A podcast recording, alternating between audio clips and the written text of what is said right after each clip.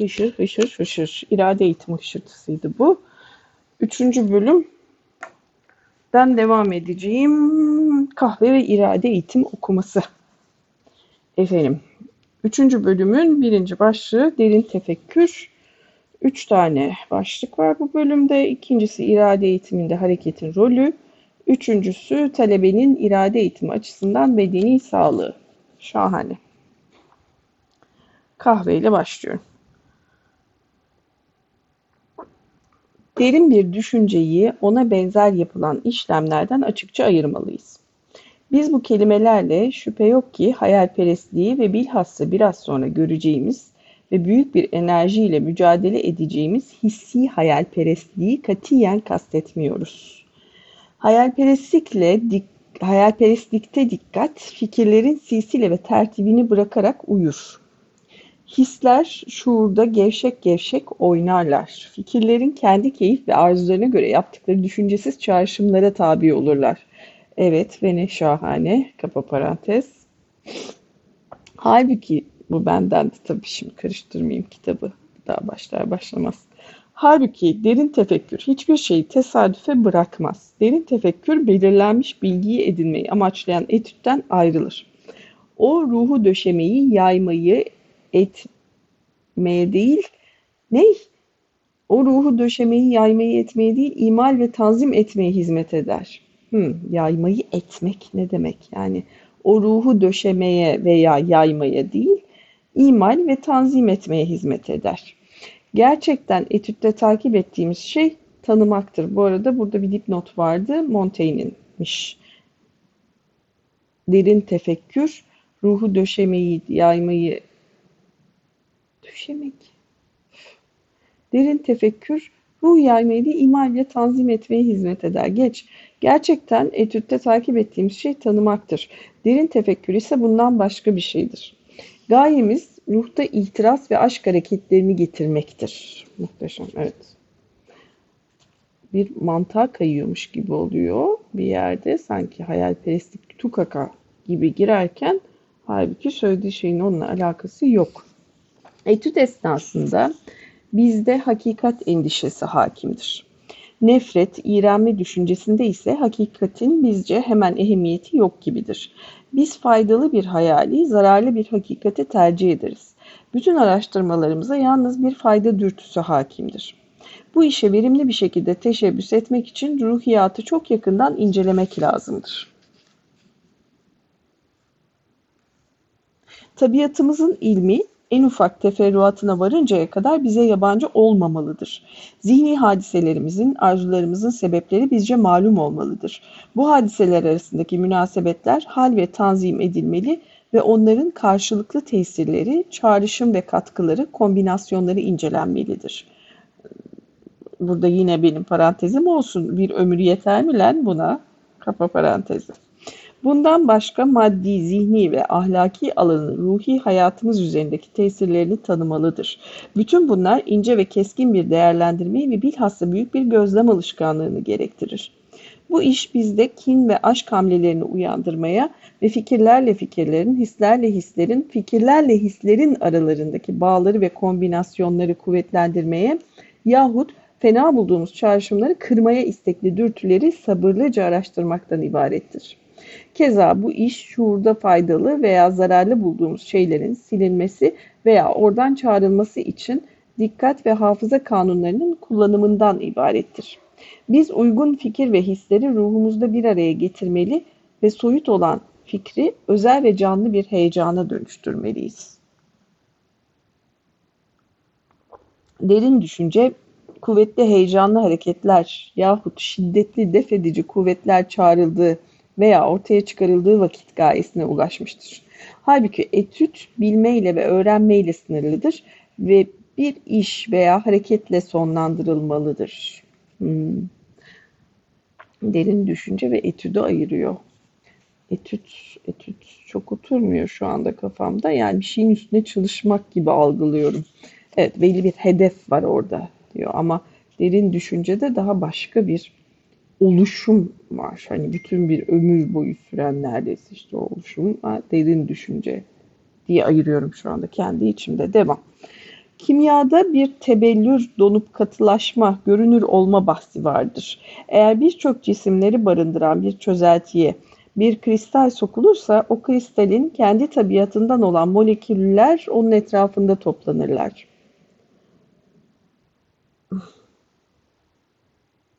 Şey gibi bu. Cümle vardı. Etrafında neyi toplarsan ona dönüşürsün diye. Tekrar eğer birçok cisimleri barındıran bir çözeltiye bir kristal sokulursa o kristalin kendi tabiatından olan moleküller onun etrafında toplanırlar. Bu sırada kristal yavaş yavaş büyür ve eğer bekleme haftalarca, aylarca devam etmiş ise büyük ve güzel bir kristal haline gelmiş olur. Sıvı çalkalanarak karıştırıldı mı bu çözelti düzensiz ve az olur. O zaman ince ve küçük bir tabaka teşekkül eder kendine benzeyen molekülleri topladığın zaman etrafına ve onlarla bütünleştiğin zaman büyüyorsun. Evet, devam. Ruhiyatta da mesele aynıdır. Herhangi ruhi bir hal şuurun aydınlığında muhafaza edilince özel olmayan bir surette aynı cinsten fikir ve duygusal haller onun etrafında toplanırlar. Eğer bu ruhi hal uzun müddet orada muhafaza edilirse kendi etrafında kuvvetlerden mürekkep bir kitle teşkil eder. Şuurun üzerine hemen kati bir surette tesir yapar ve mutlak bir hakimiyet oluşturur. Bundan başka kendisine tabii olmayan şeyleri susturabilir. Eğer bu çözelti yavaş yapılmışsa ve tahrik edilmemişse, yani gizli kalmamışsa, şayan hayret derecede metanet ve sağlam bir hal alır. Bu surette oluşan grup kuvvetli, sakin ve kati fikir rengi arz eder. Bu grup bizde çok kuvvetli bir fikir zümresi yaratır. Böyle bir oluşum neticesi ortaya çıkan dini fikirler annelik hissi, mahcubiyet gibi yüce duygular ve hatta para aşkı gibi sefil hisler bizde büyük bir kuvvet halini alırlar. Para aşkı gibi sefil hisler. İşte efendim yüksek edebiyat tutkunu varlıklar, mahlukatlar para aşkını sefil his olarak görüyor. Ondan sonra sanat eğilimi olan biz zavallı mahluklar beş parasız bir hayat geçiriyoruz. Neden? Çünkü bilinçaltımıza bu para aşkı, sefiliz falan fıtır fıtır fıtır fıtır işleniyor böyle. O kitaptan buradan yok Orwell'in 84'ünden yok Yoldan'ın Kerouac'ından yok Bukowski'nin memur hayatından kızmadım. Hiç kızmadım. Devam. Kendilerinde böyle yavaş bir kristalizasyon işi için lazım olan sükunete sahip insanlar ve bilhassa gençler çok azdır. Kendilerinde böyle yavaş bir kristalizasyon işi için lazım olan sükunete sahip insanlar bilhassa gençler çok azdır. Talebe için hayat çok kolay ve çeşitlidir. Bilhassa Paris'te ve büyük şehirlerde her nevi harici bir tahrik dalgası şuurun kapısını çalar. Bir fikri başka bir fikir takip eder. Daha sonra başka biri, bir müddet sonra hararetli bir yarış yapar gibi başka biri ortaya çıkar ve farklı 20-30 his birbirlerini kovalar. Şimdi koy iki kefeye genç 20 e, yaşında, 30 yaşlar, 20 yaşlarda birinin önüne iki kefeyi koy. Birinde işte sabırla böyle iğne oyası işi yapar gibi kendin işte de hayallerin, duyguların, fikirlerin bunların üstüne çalışıp dönüştürmeye çalışacaksın bıt bıt bıt bıt. Öbür tarafta ikinci kefede de e, zevk veren, e, haz veren e, her şey. E, işte alkolü, partisi, dansı, e, seksi her şey. E, Pardon da.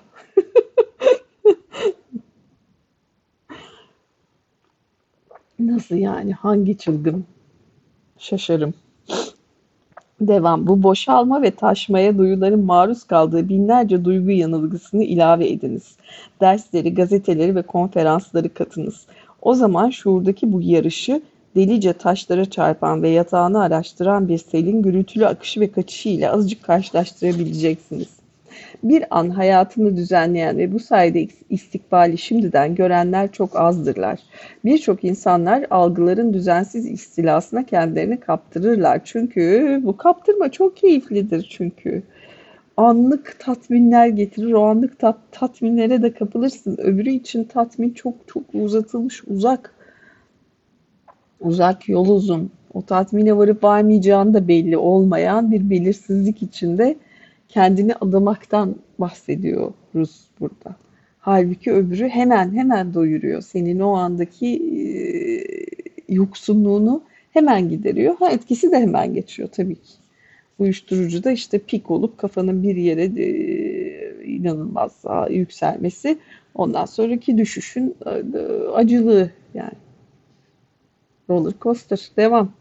Çanik der ki Orta Afrika memleketleri bizim için ne kadar meçhulse insanların çoğu da kendi kendilerine o kadar meçhuldürler. De l'education personelmiş dipnot. Onlar dikkatlerini dış dünyadan kendi nefislerine iradeli bir şekilde katiyen çevirmezler.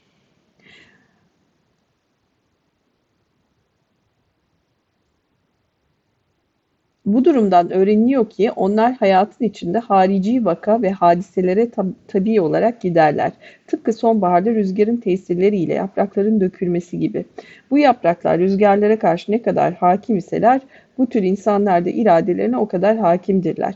İrademizi kuvvetlendirmekten ibaret olan gayenin bir defa açık bir şekilde idrak edildi mi, bilhassa çalışmak hususunda irademiz şuurlaştı mı, bütün harici durumdan ve bütün algılardan his ve fikirleri çekmek, kurtarmak ve uygun kuvvetleri bağlılığa ve tesirlerini tamamıyla ortaya çıkarmaya mecbur etmek lazım gelecektir. Bundan başka birbirlerine rakip kuvvetlere de hiç vakit sarf etmeden geçip gitmelerine çalışmak da gerekecektir. Başarının sırrı maksat ve gayemiz için faydalı olan her şeyden istifade etmektir. 1. Uygun bir his şuurdan geçtiği vakit onun hızlıca çekip gitmesine mani olmak, onun üzerine dikkati yoğunlaştırma ve başka his ve fikirleri uyandırmasını zorlamak. Başka bir ifadeyle onu verebileceği her şeyi vermeye zorlamak. Sömür diyor. Sömür diyor ama işte o uygun hissi anlama hikayesi. Sefil para aşkımdan dolayı şu anda bunu gayet borsada hisse seçmeye falan benzettim yani hani böyle bir bilgin olması gerekir ya doğru hisseyi algılama Rezalet. İki, eğer arzu ettiğimiz bir his bizde yoksa ve uyanmıyorsa onun hangi fikirlerle veya hangi grup fikirlerle alakaya ve bağ olduğunu tetkik etmek. Dikkati o fikirler üzerine yoğunlaştırma ve onları şuurda kuvvetiyle tutmak ve bu suretle evvelki fikri veya hissi uyandırmak. Burayı anlamadım. Bizde yoksa ve uyanmıyorsa bir arzu yoksa arzu ettiğim sis bizde yoksa ve uyanmıyorsa onun hangi fikirlerle veyahut hangi grup fikirlerle alakalı ve bağlı olduğunu tetkik etmek. Hmm, onu uyandırmaya çalışacaksın o zaman. 3. Eğer işe yaramayan veyahut hoşa gitmeyen bir fikir şuura gelir ve insanı işgal ve rahatsız ederse ona dikkat sarf etmekten vazgeçerek onu hiç düşünmemeye çalışmalı, bir kelimeli ile onu yok etmelidir. Bunları söylemesi kolay tabii. Devam. İşte tatbik edilmesi lazım gelen program demiş coşkuyla bir ünlemli. Üç e, basamaklı, üç adımlı bir program sunuyor bize irade eğitimi. Evet. Fakat üzerinde ısrar etmemiz gereken birkaç nokta daha var. Kendine güvenmeyen bir adam olmamak lazım geldiği, idrak edildiği ve dalgınlığın azamızın titremesine benzer bir vaziyet olduğu anlaşıldığı vakit öğrenci hayatı düzenlemek için zaman bulabilecektir. Tekrar çok tonlamayı tutturamadık. Kendine güvenmeyen bir adam olmamak lazım geldiği, idrak edildiği ve dalgınlığın azamızın titremesine benzer bir vaziyet olduğu anlaşıldığı vakit öğrenci hayatı düzenlemek için zaman bulabilecektir. O arkadaşlarının yaptıkları gibi zihnini dağıtmaktan vazgeçecektir. İkindi vakti on gazete okumayacak ve kağıt oyunları ile ve tatsız şeyler üzerinde münakaşalarla zamanını israf etmeyecek, kendi nefsine hakim olmanın sebep olacağı bir şeref duyacak ve başkalarının tabii oldukları ceryanlara kendini katiyen kaptırmayacaktır. Bununla birlikte nefse hakimiyette başarılı olabilmek için en etkin vasıtalar ruhta şiddetli sevgiler yahut sert ve şiddetli yok edici kuvvetler mesela nefret gibi doğuranlardır. Şu halde bu talebe sade ve samimi düşüncelerle işi sevmeye, gevşek ve faydasız bir hayattan işsizlikten nefret etmeye gayret edecektir. Tekrar şu halde bu talebe sade ve samimi düşüncelerle işi sevmeye, gevşek ve faydasız bir hayattan sensin gevşek ve faydasız işsizlikten nefret etmeye gayret edecektir. Bu düşünceler ve kendi tecrübeleri bunları bu sevgi ve nefretleri ona her an vereceklerdir. O bu fikirlerin başka fikirlerle zihninden uzaklaşmalarına meydan vermeyecek ve onların lezzetlerini yavaş yavaş tatmak için lazım gelen itina ve ihtimamı gösterecektir.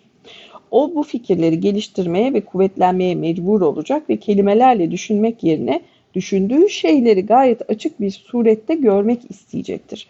Gerçekten genel bir göz gezdirmek tembel ruhların usulüdür. Derin düşünen ruhlar zihinde düşüncenin farklı noktalarının damla damla kesişmesine ve bal gibi süzülmesine imkan verirler. Lettre Flaubert G. Land Buradan alıntıymış burası. Damla damla kesişmesi ve bal gibi süzülmesi ne güzel anlatmış. Devam. İşin her türlü neşe ve haz getirdiğini herkes bilir ve tekrar eder. Evvela izzeti nefsin tatminine ait ilişkiler. Bu melekelerin tavlandığı, inkişaf ettiğini hissetmekten dolayı en büyük bir sevinçtir melekelerin tavlandığını hissetmekten dolayı yani demlenmek diye melekelerinde uzmanlaşmak, derinleşmek bir alanda e, diye kendi içimde tercüme ediyorum. Bu ebeveynini şeref ve iftiharlara boğmak ve mesut bir ihtiyarlık hazırlamak vesaire haz ve sevinçtir. Fakat bu talebemiz bu hatları yalnız ve sözle tekrar etmekle katiyen yetinmeyecektir. Kelimeler kısa ve dönüştürücü manalardır ve bizzat karmaşık maddenin, eşyanın yerine gelirler ve hayal gücünü çalışarak zorlarlar. Tembel ruhlar kelimelerle yani soyut ve ölü şeylerle düşünürler. O surette ki bu işin gürültüsü dahili hayatta hiç çınlamaz. Esasen kelimeler birbirini gayet çabuk takip ederler ve doğan birçok hayalleri harekete getirirler. Hı hı. Peki. Onlar için açıklığa sahip olmazlar. Zihin için bu yüzeysel çabanın neticesi sonuçsuz bir yorgunluktan ibarettir. Başarısız kalan bu hayallerin karışmasından ve gürültüsünden bir nevi sersemlik ve gaflet hasıl olur. Buna karşı çare ayrıntıyı bile açık açık görmektir. Mesela ebeveynim benden memnun olacaklar demeyiniz. Babanızın hatırasını koruyunuz. Onun sizin her başarınızda sevinç ve neşesini ifade eden hareketlerini görünüz. Hatırınızda bu tatlı hatıraları canlandırınız. Dostlarınızın ve aileniz üyelerinin iltifatlarını gözünüzün önüne getiriniz. Annenizin gururunu, onun tatilde iftihar ettiği oğlunun kolları arasında gezindiğini görmekten dolayı sevinçlerini düşünüp hatırlayınız. Sizden bahsedildiği bir akşam yemeğinde hayalen hazır bulununuz. O zaman en küçük kardeşin büyük abi için duyduğu saf gururuna varıncaya kadar zihnen mutlu olursunuz. Başka bir ifadeyle filan teferruatla, filan hareketlerle ve filan sözlerle sevilmekten doğan bir saadeti derin bir surette tadarak bunları açık açık hatırlamaya gayret ediniz. Hmm. Değişik bir yer burası şimdi. Çok başkaları üstünden anlattığı için dış takdiri övüyor buralarda. O, çok çok yabancıladım birden oraya girince yani ne ala kendi kişiliğimle, e, kendi isteklerimle e, yönetmeye çalıştığım bir şeyde neden işte annem benden mutlu olur mu, babam bende gurur duyar mı gibi bir yere geçtiğimizi anlamadım. Devam. Bunun gibi ihtiyarlıkta faal bir hayatla taçlandığı vakit böyle bir ihtiyarlığın hatlarını en küçük ve fakat en küçük açık hatıralarına kadar gözünüzün önüne getiriniz. Kur diyor burada şey gibi e, Secret'ta da vardır ya sır, e, Secret hikayesinde neyi istiyorsan onu böyle en ince ayrıntısına kadar çiz detaylarını çiz der ya. Hatta resimlerini aska ev mi istiyorsun kocaman e, en ufak eşyasına kadar çiz ve as mesela onu ve orada yaşadığını hayal et. Orada olduğunu hayal et. O duyguyu hayal et. Aynı şeyi söylüyor. İhti öyle bir ihtiyarlığı hayal et diyor en küçük ayrıntılarına, hatıralarına kadar diyor. Sözlerimizin ve yazdığımız yazıların otoritesi, herkesin hürmeti, hayatın birçok maddi zevklerinden mahrum olunduğu böyle bir zamanda devam eden büyük alaka vesaire. Bu ve buna benzer düşünceler sık sık göz önüne getirilmeli ve zihnin onların güzel kokularıyla uzun müddet devamlı bir surette doymaya terk edildiği vakit, sakin ve fakat kuvvetli bir heyecanın iradeyi canlandırmaması mümkün değildir. Fakat bir defa daha söyleyelim ki bir işe karşı bizde bir şevk ve gayret hareketi görüldüğü zaman onun üzerinde ısrar etmek ve ona bütün genişliği ve bütün enerjisini, enerjinizi vermek lazımdır. Hatta harici bir bakayla ve mesela bir alimin şerefine yapılan bir merasim münasebetiyle şuura birdenbire ithal edilen bir his, mevzu bahis olursa hemen onu geliştirmeye ve kuvvetlendirmeye gayret etmelidir. Keza çekilmeye çalıştığın bir hayat için nefret doğuracak mahiyette olan düşüncelerden aynısıyla en küçük teferruatına varıncaya kadar canlı ve kuvvetli bir fikir teşkil etmek lazım geldiğini söylemek lüzumsuzdur.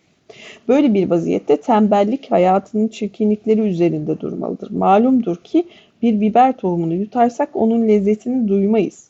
Bilakis çiğnersek ve dil vasıtasıyla ağzımızda dolaştırırsak o tahammül edilemez bir acılık verir, gözleri sulandırır. Bunun gibi tembellik hayatına temas eden her şeyi bizde utanç ve nefret uyandıracak şekilde hayalen yaşamalıyız.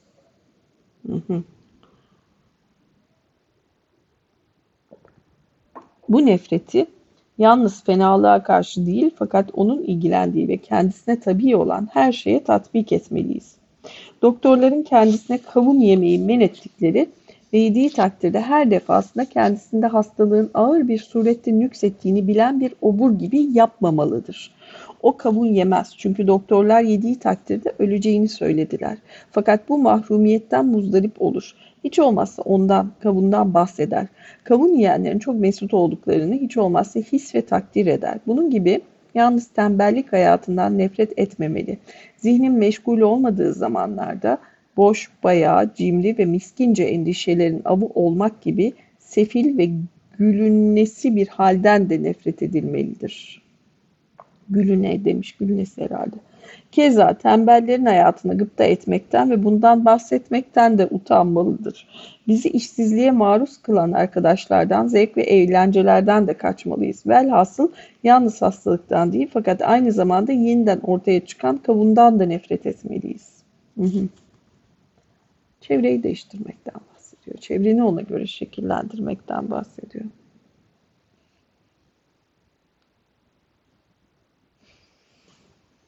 Malum olduğu üzere herhangi bir histen istifade etmenin sırrı onun bağlı olduğu fikirleri şuurda uzun müddet ve sık sık muhafaza etmektir. Bu sır bu fikirlere kuvvet ve canlılık, şiddet ve büyük bir aydınlık vermektedir. Bunu yapabilmek için teferruatı bile açıkça görmek zaruridir. Bundan başka bu usul, usul hissin üzerine tesir icra etmesine yarayan bir cazibe ve diğer benzer hislerle ve birbirlerini uyandıran zengin düşüncelerle gelişim göstermesine hizmet eder. Bu işi kolaylaştırmak için filan hissin meydana çıkmasına hizmet eden ve ona kıymet veren eserleri okumak uygundur. Değerlendirmenin zevk ve faydalarını ve nimetlerini buna karşılık boş geçen bir hayatın çirkinliklerini ele alan kitaplar bu vadide yardım etmek itibariyle çok mükemmeldirler. Tabi aylaklığa övgü falan gibi kitapları okumayalım değil mi yani? Değil mi? Bunu salık veriyor zannederim. Gideyim de kütüphanemde tembellik ve aylaklığa övgüde bulunan kitapların envanterini çıkarayım. Bir sonra da kendimi kırbaçlayayım. Mill'in hatıraları ve Darwin'in mektupları gibi kitapları okumak iyi tesir yapar. Ha, kitap ve Mill'in hatıraları ve Darwin'in mektupları. Hmm. Peki. Eğer derin fikir iyi idare edilebilir ve eğer hariçten ve dahilden sükunete yani heyecanlı hareketlerin şuurun derinliklerine kadar yayılmasına hizmet eden sessizlik temin olunabilirse, Şüphe yok ki emniyetle bir netice ve bir karara ulaşılır. Fakat bu kadar gayrete rağmen bizde hiçbir karar sonuç teşkil etmemiş olsa bile ilerlememiz için sarf ettiğimiz çabaların kay kaybolduğunu zannetmemelidir. Mill'in işaret ettiği gibi ne zaman böyle ayrıcalıklı bir halde bulunursa bu hal isteklerini ve melekelerini mukayese ve sonuçta onlar da hislerini ve eğlenmelerini başka zamanlardaki his ve eylemle, eylemlerini demiş orada, muhakeme etmesine hizmet eden bir model olurlar. Boşa gitmezler diyor. Bir temel olarak durur orada bir gün işine yarar diyor. Peki. Alışılmış eğilimler asıl teşvik hareketleri üzerinde bir şekil alırlar ve değişikliğe uğrarlar. Dipnot Assujettissement de femme. Bunu evet daha önce de söyledim. Assujettissement de femme. Bakacağım buna. Karşımda bilgisayarda varken assujettis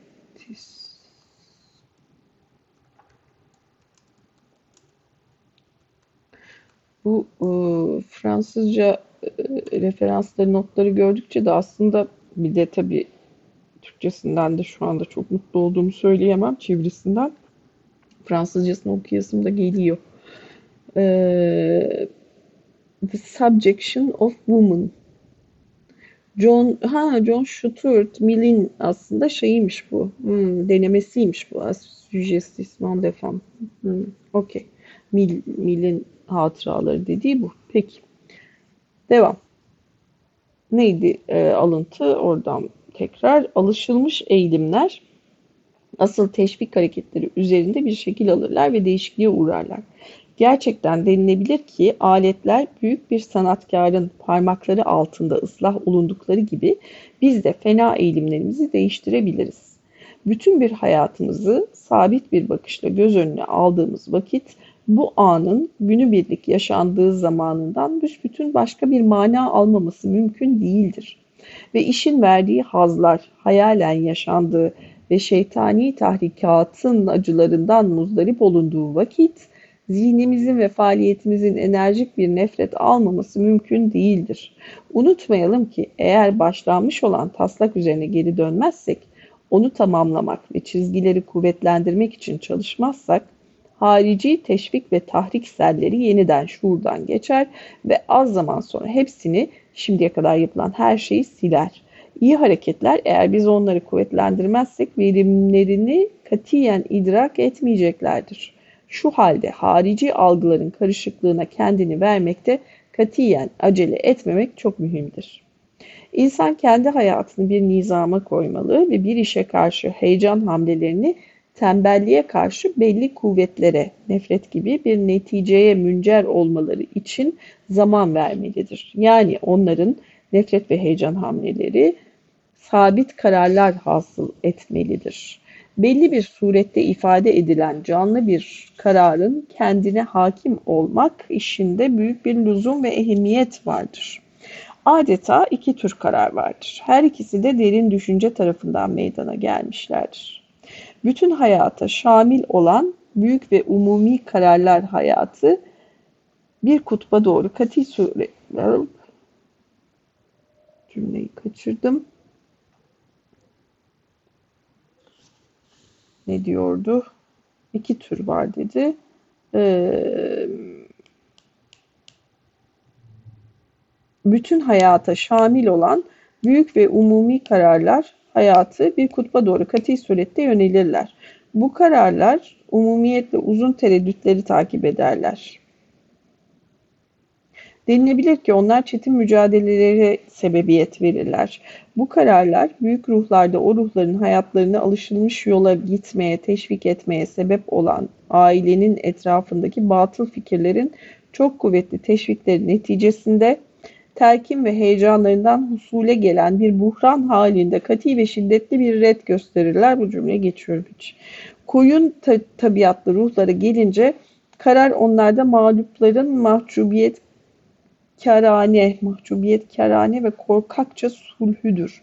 Bu onlarda her türlü mücadelenin kati surette terki ve birçok insanların hayat tarzını kabul ve çok yüksek bir adrenalin teşviklerini dinlemeyi red ve adiliğin bayağılığın zaferini kabul etmek demektir. Fakat kararlara sebep olan bu iki belirli hal arasında kendi nefsine hakim olmayı tecrübe eden ve yüksek bir hayatın davetini susturamayan ve fakat irade yokluğu yüzünden sürekli nefret ettikleri bir hayatın cereyanına tabi olan delikanlıların bütün zaaflarının derecesi bulunur. Bu gençler tıpkı suç ve hüsranlarını katiyen kabul etmeyen ve iş hayatının güzelliğini hisseden ve fakat çalışamayan, tembellik hayatının çirkinliğinden muzdarip olan ve hiçbir iş yapmayan kırgın ve isyankar tesirler gibidirler. Fakat onlar öyle esirlerdir ki eğer çok erken kurtulacaklarından ümitlerini kesmezler ve eğer bunu birdenbire istemezlerse ruhiyat kanunlarının bilinmesi sayesinde kurtulabilirler. Bu kararlar arzu ve heveslerin, tecrübelerin, düşüncelerin okunan şeylerin, hislerin ve eğilimlerin belirli açık ve özet kısa bir formül halinde tercümesidirler. Mesela hatta hareketin umumi istikameti için kainatın umumi gayesi hakkındaki iki büyük hipotezi arasından birini izlemeye mecburuz.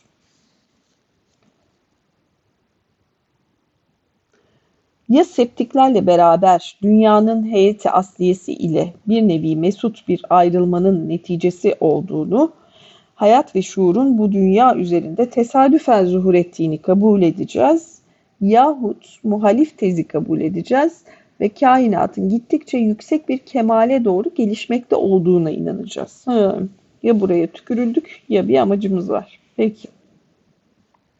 Septik tez yalnız bir delile maliktir. Biz hiçbir şey bilmiyoruz. Biz tabiat tarafından kuşatılmış bu kantonda, bu küçük zindanda hapsedilmişiz. Diğerine rakip tez bir nevi mülkiyete ve gerçeğin gerçeğine sahiptir. Biz yalnız dünyamızı tanıyoruz. Bu dünya tanzim edilmiştir ve o çoktan beri böyledir. Çünkü hayat tabiat kanunlarının değişmesi ve istikrarını gerektirir. Eğer bugün mesela buğdayın geçerli olan niteliği, mümkün olan yenilebilme niteliği ile yarın farklı nitelik ve ertesi gün zehirli özelliklerle birlikte mevcut olursa hiçbir hayat oluşmayacaktır. Yaşıyorum demek ki tabiat kanunları daimi ve sabittirler. Silurian devrine ait hayat geçeli birkaç milyon sene oldu. Tabiatın kanunları değişmedi. O zaman nasılsa bugün de öyledir. Diğer taraftan milyonlarca seneden beri devam eden bu uzun evrimin düşünen mahlukları, düşünen mahluklarda ahlak, ahlaklı mahlukları meydana getirdi. Şu halde eşyanın yürüyüşünün zihne ve ahlakiyete doğru meyil ve teveccüh etmediğini nasıl kabul etmeli? Diğer taraftan hayat gibi zihin de intizamı, devamı ve sebatı gerektirir. Karışıklık ve allak bullak zihni bir faaliyet için mümkün olmayan bir tasavvurdur. Düşünmek, tertip ve tasnif etmektir. Zihin ve şuur tanıdığımız yegane hakikatler değil midirler? Septik tezi kabul etmek ne demektir? Yoksa yegane malum hakikatin yalnızca kuruntudan ibaret olduğunu ilan etmek midir? Böyle bir şey iddia etmenin bizce büyük manası yoktur. Bunlar yüzeysel olarak telaffuz edilen ve arkalarında kıymetli hiçbir şeye sahip olmayan tekliflerdir. Şu hale bakınca sebepleri ahlakçı tezin lehindedirler. Ameliyat ve tatbikat itibarıyla onlar katidirler. Septik tez, şahsi egoyu haklı göstermeye ve maharet ve dirayetten başka bir şeyin kıymetini tanımama sonucunu veriyor.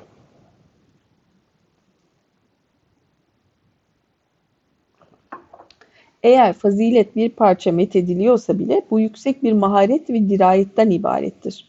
Bu düşüncelere seçimin isteğe göre olmadığını ilave edelim. Gerçekten seçmek mecburidir. Çünkü seçmemek yine bir seçim yapmak demektir. Tembellik ve zevk hayatını kabul etmek insan hayatının haddi zatında zevk aleti olmaktan başka bir kıymeti olmadığı fikrini kabul etmektir. Evet, o da olur. Olmaz mı? O da bir yol. Evet. Hazcılık.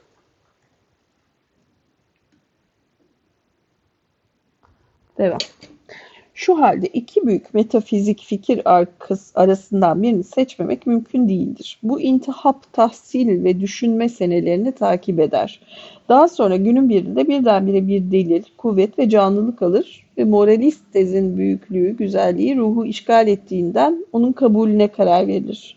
Çünkü yalnız odur ki hayatımız hakkında bir sebep verir ve haksızlığa ve ahlaksızlığa karşı yaptığımız mücadelelerde çabalarımızı iyiliğe doğru yöneltir. İntihap yapıldı mı artık septik sebeplerin zihne girmelerine bir an bile müsaade edilmez. Onlar daima nefretle red ve def edilirler. Bu surette büyük bir karar vermekle herkes bir hayat prensibi olan ve mevcudiyetine bir tat, bir yükseliş ve bir halalet veren kendi ahlaki imanını kıskançlıkla muhafaza eder.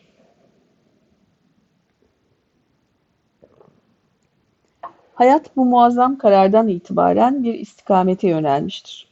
Bundan sonra hareketlerimiz harici vakaların keyif ve zorlamalarına tabi olmaktan vazgeçerler. Biz bu suretle daha ziyade enerjili olan insanların ellerinde itaat eden bir alet olmayacağız. Hatta hayatın fırtınaları tarafından malum edilsek bile yolumuzu muhafaza edebileceğiz. Böyle hareket etmeye alıştıktan sonra yüksek işler için olgun bir hale gelmiş olacağız. Çalışan bir kimse de büyük ahlaki karara başka bir karar refakat etmelidir. Çalışan bir adam fenalık ve fazilet arasında kalan Herkül gibi iş hayatını azimle kabul ve tembellik hayatını reddetmeye mecbur olacaktır. İnsan bütün hayatı müddetince yalnız bir defa umumi kararlar verir. Estağfurullah. İnsan bütün hayatı müddetince yalnız bir defa umumi kararlar verir. Enteresan. Bu muazzam kararlar bir idealin kabulünü hissedilen büyük bir hakikatin tasdikidirler. Gaye bir defa tespit edilince biz ona birdenbire varamayız. Fakat oraya bizi götürecek vasıtaları istemekle erişebiliriz. En uygun vasıtaları bize dikkatli bir etüt gösterir. Biz bunu arzu etmeli ve yapmalıyız. Her arzu bir kararı icap ettirir. Küçük ve hususi kararlar büyük karar emniyetle ve kati surette alındıktan sonra gayet kolay verilirler. Onlar bir felsefe davasının delillerinin yavaş yavaş meydana çıkması gibi azar azar meydana gelirler. Bazı basit, belirli ve samimi düşüncelerin iradeyi harekete getirmeye kafi gelmedikleri nadirdir.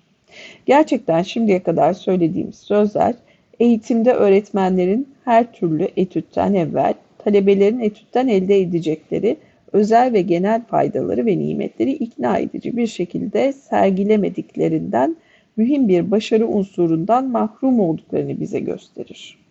Diyebilirim ki ben Latinceyi senelerce zevk almadan yani nef nefretle okudum. Hiç kimse bana onun faydasını göstermedi. Diğer taraftan böyle bir nefret duyan talebelere Monsieur Fouillet'in klasik eserleri değerlendirmesinin ehemmiyeti hakkındaki şaşırtıcı ekspozesini okutarak onları bu nefretten kurtardım. Bundan dolayı bazı okuyucuların zihinlerinde inatla bir itiraz arzu vücut ediyor. Onlar çoğunlukla faaliyet ile uzun düşünme arasında bir tezat olduğunu ve düşünürler, düşünürlerin gerçek hayata dair az bilgili olduklarını her zaman işitiyorlar. Bu sebeple derin düşünmenin hareket ve fiil için bir faydası olduğu onlara katiyen muhakkak görünmüyor. Fakat hayatta ve siyasette olduğu gibi başarılar da çabaların aynı istikamete doğru devam etmesiyle elde edilebilir. Bir istikamete yönelen bir faaliyet ise derin bir tefekkürü gerektirir. 4. Henry ve Napolyon gibi büyük faal adamlar hareket etmeden evvel gerek kendi kendilerine gerek nazırları ile birlikte uzun müddet düşünürlerdi. Tefekkür etmeyen, hafızasına takip edeceği umumi gayeyi arz etmeyen, maksada varmak için lazım olan vasıtaları devamlı bir surette aramayan kişi ister istemez durum ve dış dünyanın oyuncağı olur. Basiretsiz ve gafil bir adam gaye ve maksadını karıştırır ve umumi istikametini her an kaybeder. Görülüyor ki faaliyet daima derin düşünmeyi takip etmeye mecburdur. Fakat o her ne kadar her işin ve verimli bir hayatın zaruri şartı olsa bile yalnız başına kafi değildir. Eğitim, dilin çok kuvvetli telkini, arkadaşların fikirlerinin kuvvetli etkileri, kategorik biçimde atasözleri ve nihayet tabii eğitim, eğilimler çoğunluğumuzu sevk ve idare ederler. Wow. Dil, dilin çok kuvvetli telkini.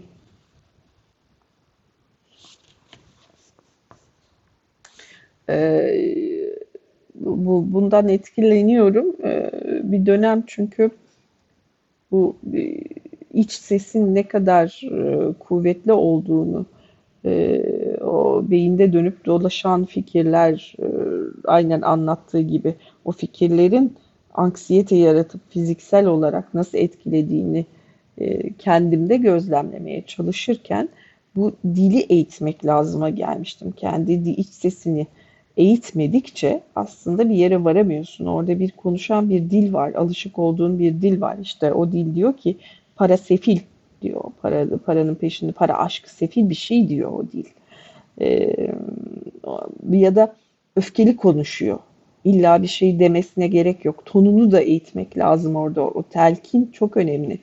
Ee, sevgi ve şefkatle konuşan bir iç sesle e, öfke, nefret ve e, kendini döven bir iç ses arasında dağlar kadar fark var ve ikisi çok başka başka yollara sürüklüyor, götürüyor.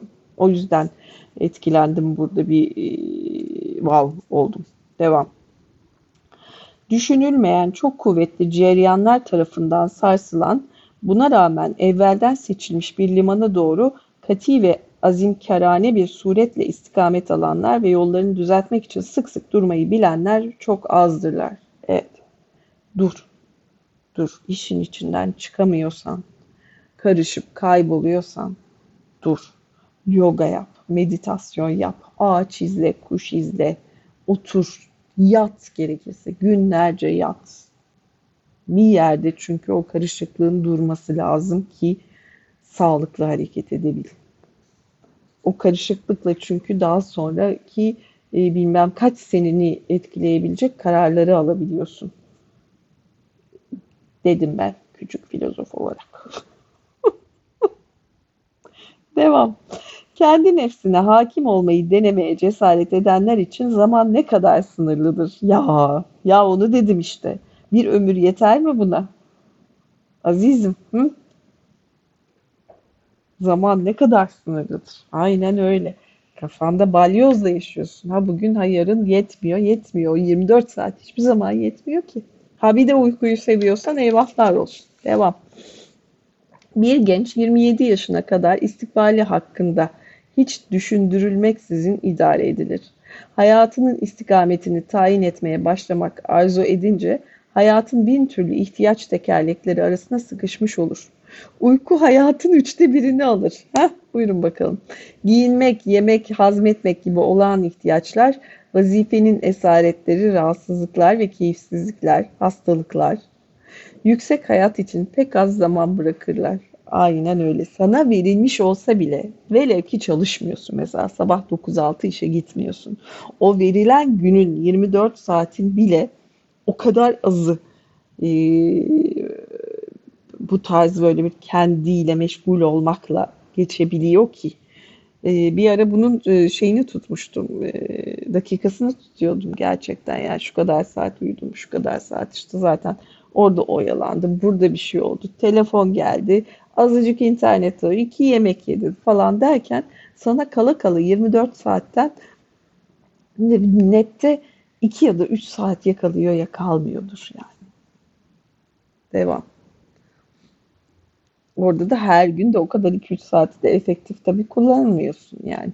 Tembellik yapasın geliyor. Da öyle bir disipline etmek de onu kolay değil işte. Devam.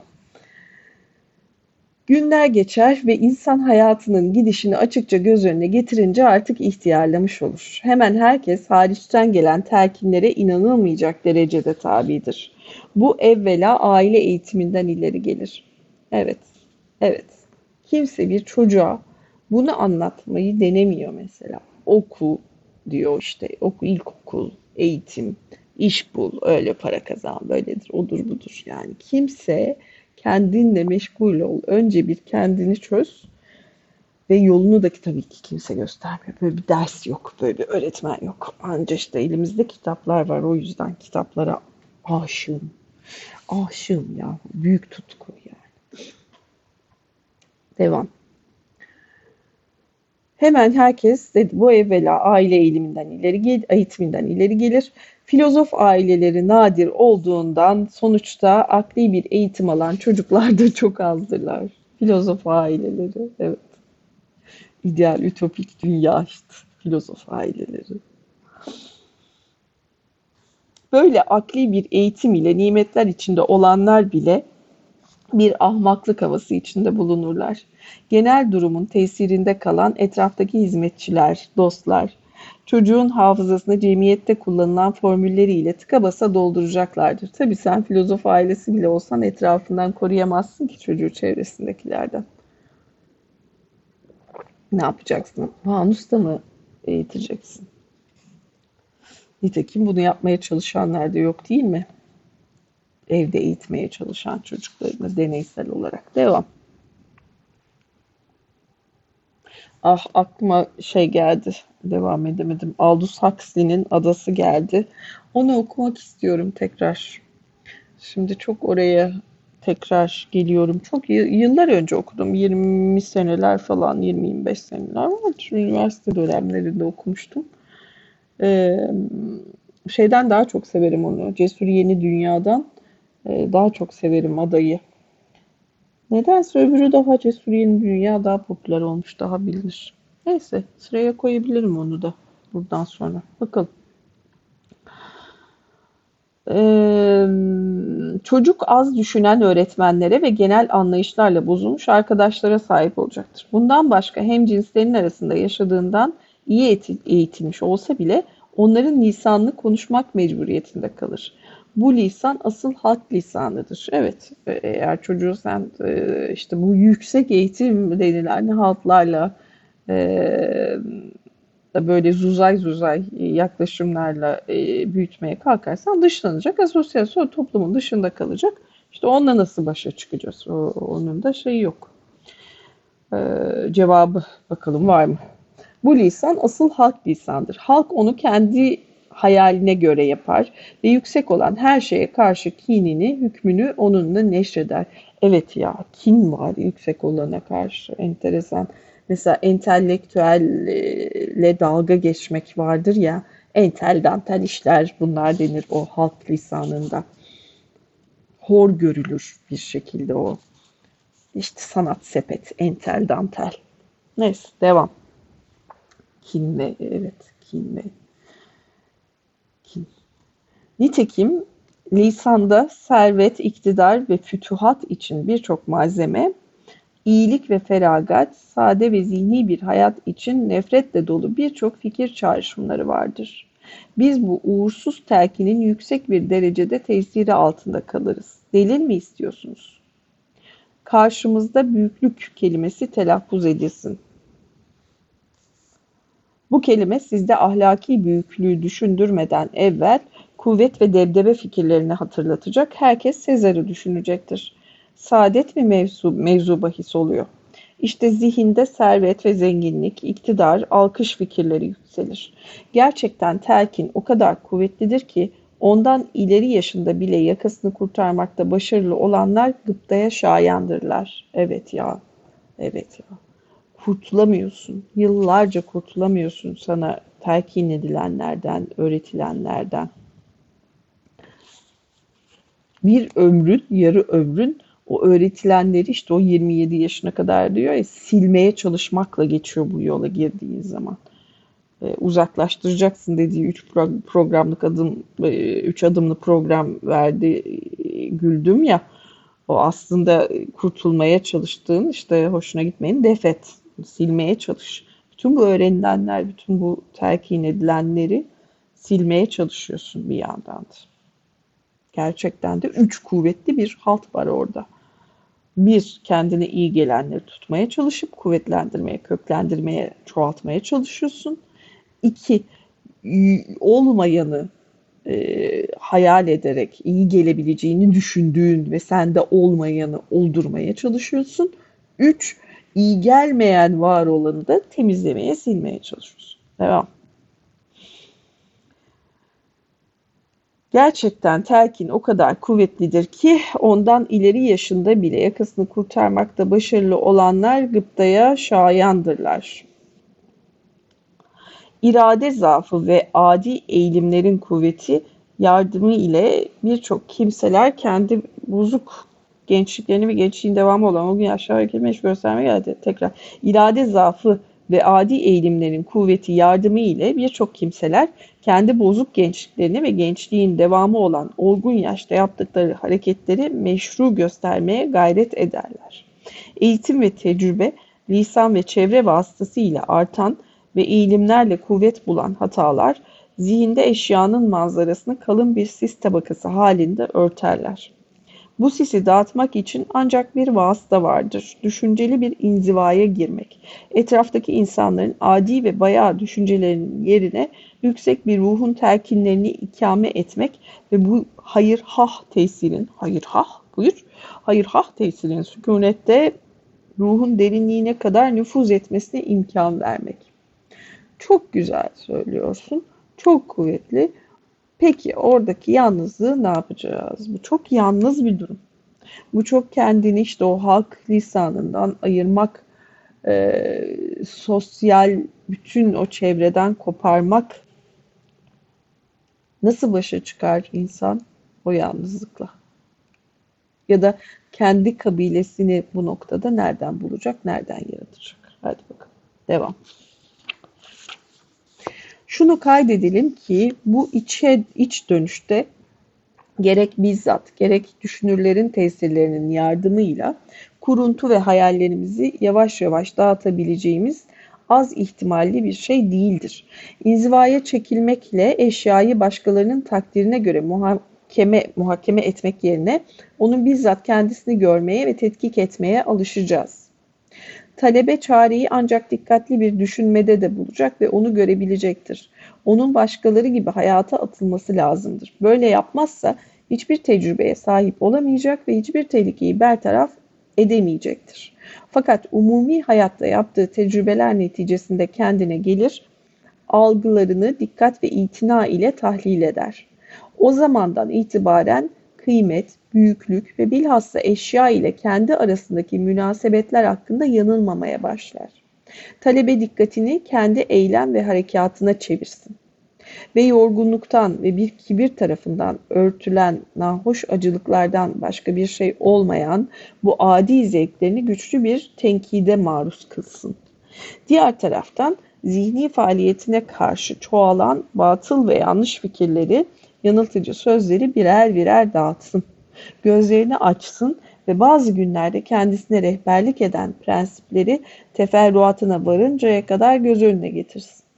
Yani iradesinin yardımına gelmeyen her şeyi bir tarafa bıraksın. Bu suretle hareket ettiği takdirde yeni bir dünya keşfedecektir.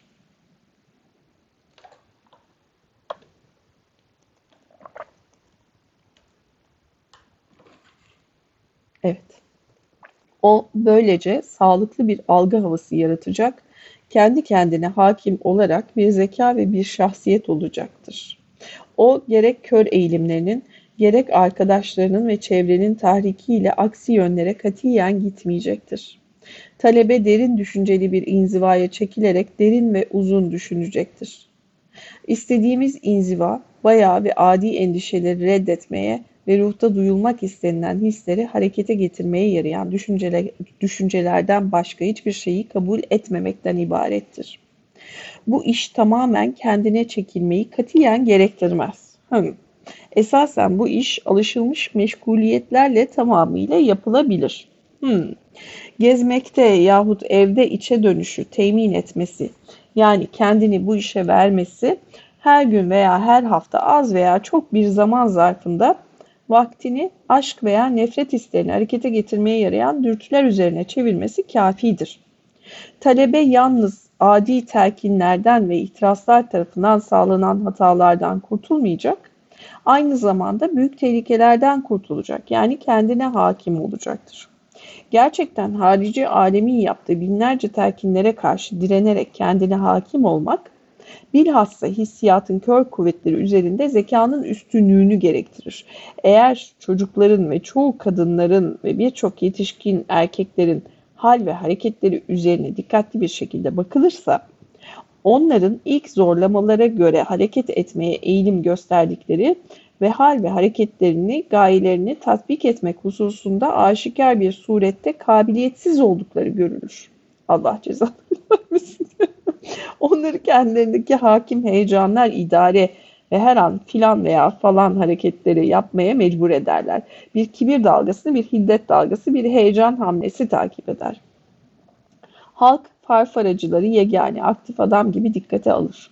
Düşünmek ve tefekkür etmek için inzivaya çekilen kimseler ayıplanır. Halbuki dünyada büyük ve devamlı olan her şey inzivaya çekilen düşünürler tarafından vücuda getirildi. Ee, şeyin şarkısı geldi aklıma. Hmm, Masar Fuat Özkan'ın neydi MFÖ'nün şair e, e, şair ay ay ay grubun dışına çıkan şu avare şair gibi bir şey vardı. E, şair şarkısı diye baksam şair miydi, ozan mıydı? Hmm, Sufi. Hmm. Bunu bulayım daha sonra.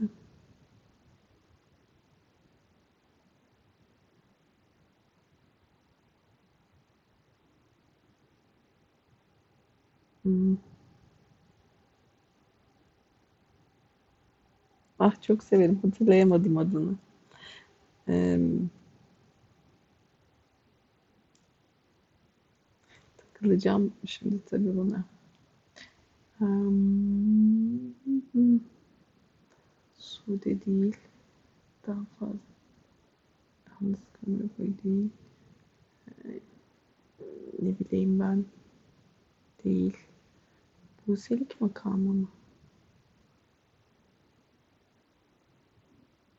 Adımız miskindir bizim şarkısı var.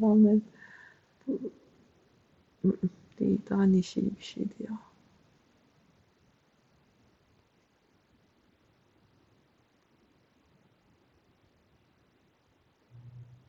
Neyse. Bu dursun kafamda döner bulur zihin onu. Ee, evet. Ayıplanır dedik. Neredeydik? Heh. İnzivaya çekilen ayıplanır. Heh. Halbuki dünyada dedik evet. Beşeriyetin verimli ve faydalı işleri yıldızlara bakarken bir kuyuya düşen bu hayalperestler tarafından sükunetle, acelesiz ve gürültüsüz yapıldı. Ne güzel. Beşeriyetin verimli ve faydalı işleri yıldızlara bakarken bir kuyuya düşen bu hayalperestler tarafından sükunetle, acelesiz ve gürültüsüz yapıldı. Diğer taraftan tarihi budalalıkları, tarihi budalalıkları ile dolduran şarlatan siyaset adamları, fatihler, beşeriyetin terakkisinde alelade bir role sahiptirler. Bir gün tarihten böyle bir mana anlaşılınca, yani onun bir halkın öğrenme çabasını tatmin etmeye yarayan hemen hemen bir anekdot yanından başka bir şey olmadığı kabul edilince, düşünürler tarafından ve düşünürler için yazılan bir tarihe yerini terk edecektir. İnsan büyük tahrikçilerin medeniyetin geniş cereyanına ne kadar az cereyanına ne kadar az değiştirdiklerini görünce hayret edecektir. İlimde, sanatta, edebiyatta ve büyük sanayide birer mucit olan tarihin hakiki kahramanları denilmeye şayan olan büyük adamlar hep haklı olarak ilk ve mühim mevkiyi işgal edeceklerdir. Amper gibi para kazanmayı bilmeyen ve kapıcısı vaziyetine gülen zavallı bir düşünür, derin düşünceli keşifleri ile cemiyette inkılap yapmak hususunda Bismarck ve Moltke'nin yaptıkları işlerin toplamından daha fazla hizmet etti. Alman tarihinin büyük askeri ileri gelen askeri ileri gelenleriymiş Moltke. Pastor ve Daklo ziraat sahasında 50 ziraat nazırının yaptıklarından daha çok ilerlemeler vücuda getirdiler. Felaketlerimizin çoğu birdenbire ve düşünmeden hareket etmekten ileri gelir. Talebe düşünmeden hareket etmekte olduğunda dış dünyanın oyuncağı oluyor. İş saatinde bir arkadaşın gelmesi, halkın bir yerde toplanması herhangi bir vaka onu çeker. Çünkü onda irade zaafı vardır. Böyle bir talebe selameti ancak derin düşünmede bulabilir. Gerçekten derin düşünmek ve harici olayları evvelden görmek mevcut olmayan bir e enerjinin yerini tutabilir. Talebe zamanını öldüren şeylerin sebeplerini evvelden görebilir. Mesela o filan arkadaşın kendisini bir haneye götürmeye çalıştığını bilir. Hmm, bak beni yoldan çıkar ne kötü. Ne fena arkadaşlar var bu dünyada. Şu halde evvelden red formüllerini ben, ben de tam bu bahsettiği bu talebenin dibiymişim yani. Hadi, hadi biri gelsin de bir haneye götürsün de iki kağıt oynayalım, king oynayalım, iki bira içelim. Oh hayat ne güzel yani ama güzel ama güzel yani. Şu halde evvelden red formüllerini kolayca hazırlayabilir. Yahut basit ve temiz red, zor ise bir mazeret bulur ve meseleyi kısa keser. Ha, şeyin de formülünü veriyor. Alay edilmesin o talebeyle diye de çünkü ben izvaya çekileceğim. Çok affedersin derin tefekküre girmem lazım diyemeyeceği için. Fakat bir defa daha söyleyelim ki eğer eve giderek filan işi yapacağına başlangıçta kati surette karar vermemişse, eğer böyle teklifler karşısında bir mazeret uydurmaya evvelden niyet etmemişse o gününü kaybetmiş olur. Niyet, niyet edeceğim. Bugün niyet ettim derin tefekküre diye uyanacağım. Devam. Evvelden görmek psikolojik dikkatten evvel tahayyül etmektir. Evvelden tahayyül açık ve canlı bir surette yapılabilirse karar büyük bir süratle icra edilir. Gayesini açıkça tespit etmeyen yahut bu gayeyi tespit ederken dikkatlerini onun üzerinde muhafaza ve durdurmayı bilmeyenler kendilerini tamamıyla akıntıya terk ederler. O zaman hayat intizamsız ve dayanaksız bir şey olur. Bilakis gayesini evvelden tespit ve tayin eden ve istikametini düzeltmek için sık sık duran bir kimse için hiçbir şey tesadüfe tabi değildir. Estağfurullah. Çok büyük bir cümle oldu. Hmm. Hmm. Biz ne olduğumuz, olağan hatalarımızın nelerden ibaret oldukları ve zamanımızı kaybettiren sebepler hakkında açıkça bir şuur almaya, yani sonuçta kendimize hareket hattı çizmeye mecburuz. Bundan dolayı dikkatlerimizi gayeden katiyen kaybetmemeliyiz. Hmm. Evet, dıştaki olayları kontrol edemezsin ama onlara verebileceğin tepkileri edebilirsin. Geliyoruz. Evet. Bu suretle hayatımızda harici tesadüfün hissesini günden güne azaltmakta başarılı olabileceğiz. Bundan başka dahili tesadüflere karşı da mükemmel ve ayrıntılı bir program tertip edebileceğiz. Gerçekten bu programın çok önemi vardır. O iyi kaleme alındıktan sonra her tehlikenin bertaraf edilmesi kolaylaşır. Mesela cinsi bir terkinin zihinde yerleştiği ve oradan kovulamadığı zaman insan ne yapmaya mecbur olduğunu bilir. Cinsi bir terkin, ha, cinsel e, seksten bahsediyoruz. Cinsi telkin cinsi telkin zihinde yerleşti ve oradan kovulu insan ne yapmaya mecbur olduğunu bilir. Belirsiz ve şehvet hassasiyetlerinin nasıl malum edilecekleri kederli ile cesaretsizliğe ne şekilde galip gelineceği bilinir. Kederli. Kederlik. Ne demek kederlik? Belirsiz ve şehvet hassasiyetlerini nasıl mağlup edebilecekleri keder cesaretsizliğine yarar. İnsan iyi bir general gibi düşmanın meziyetlerini, arazinin müşkülat ve manilerini ve asıl kendi askerlerinin eksiklerini ölçer. Bundan sonra ne yapacağını iyice bilerek hareket eder. Bunun gibi harici ve dahili düşmanlar tanındıktan ve onların tabii oldukları şeyler bilindikten ve zayıf noktaları öğrenildikten sonra nihai zafer şüpheli değildir. Çünkü her şey evvelden görüldü. Hatta kısmi bir bozgunluktan sonra yapılacak muntazam bir şekilde geri dönüş bile evvelden düşünüldü. Dahili ve harici düşmanlar öğrenciyi kati surette tehdit ederler. O halde bu tehlikelere dikkatimizi vermek ve onları bertaraf etmeye yarayan unsurları göz önüne almaya mecburuz. Böyle hareket edildiği takdirde harici durumdan kendi kendine irade eğitimi yapmak hususunda nasıl istifade edileceği görülecektir düşünme ve zekanın emin kurtarıcılar oldukları kabul edilince ağır ve kör hissi kuvvetlere karşı nurlu kuvvetlerin zaferi muhakkaktır. Birinci başlık bitti. 74. sayfa. Şu şarkıyı bulacağım. Şimdilik bir küçük ara. Hatta kaç dakika olmuş? Bakayım.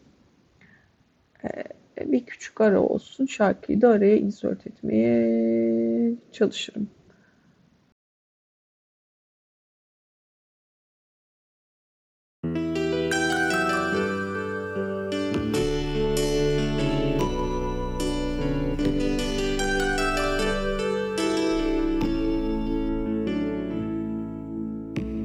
Bütün kabile kızar bana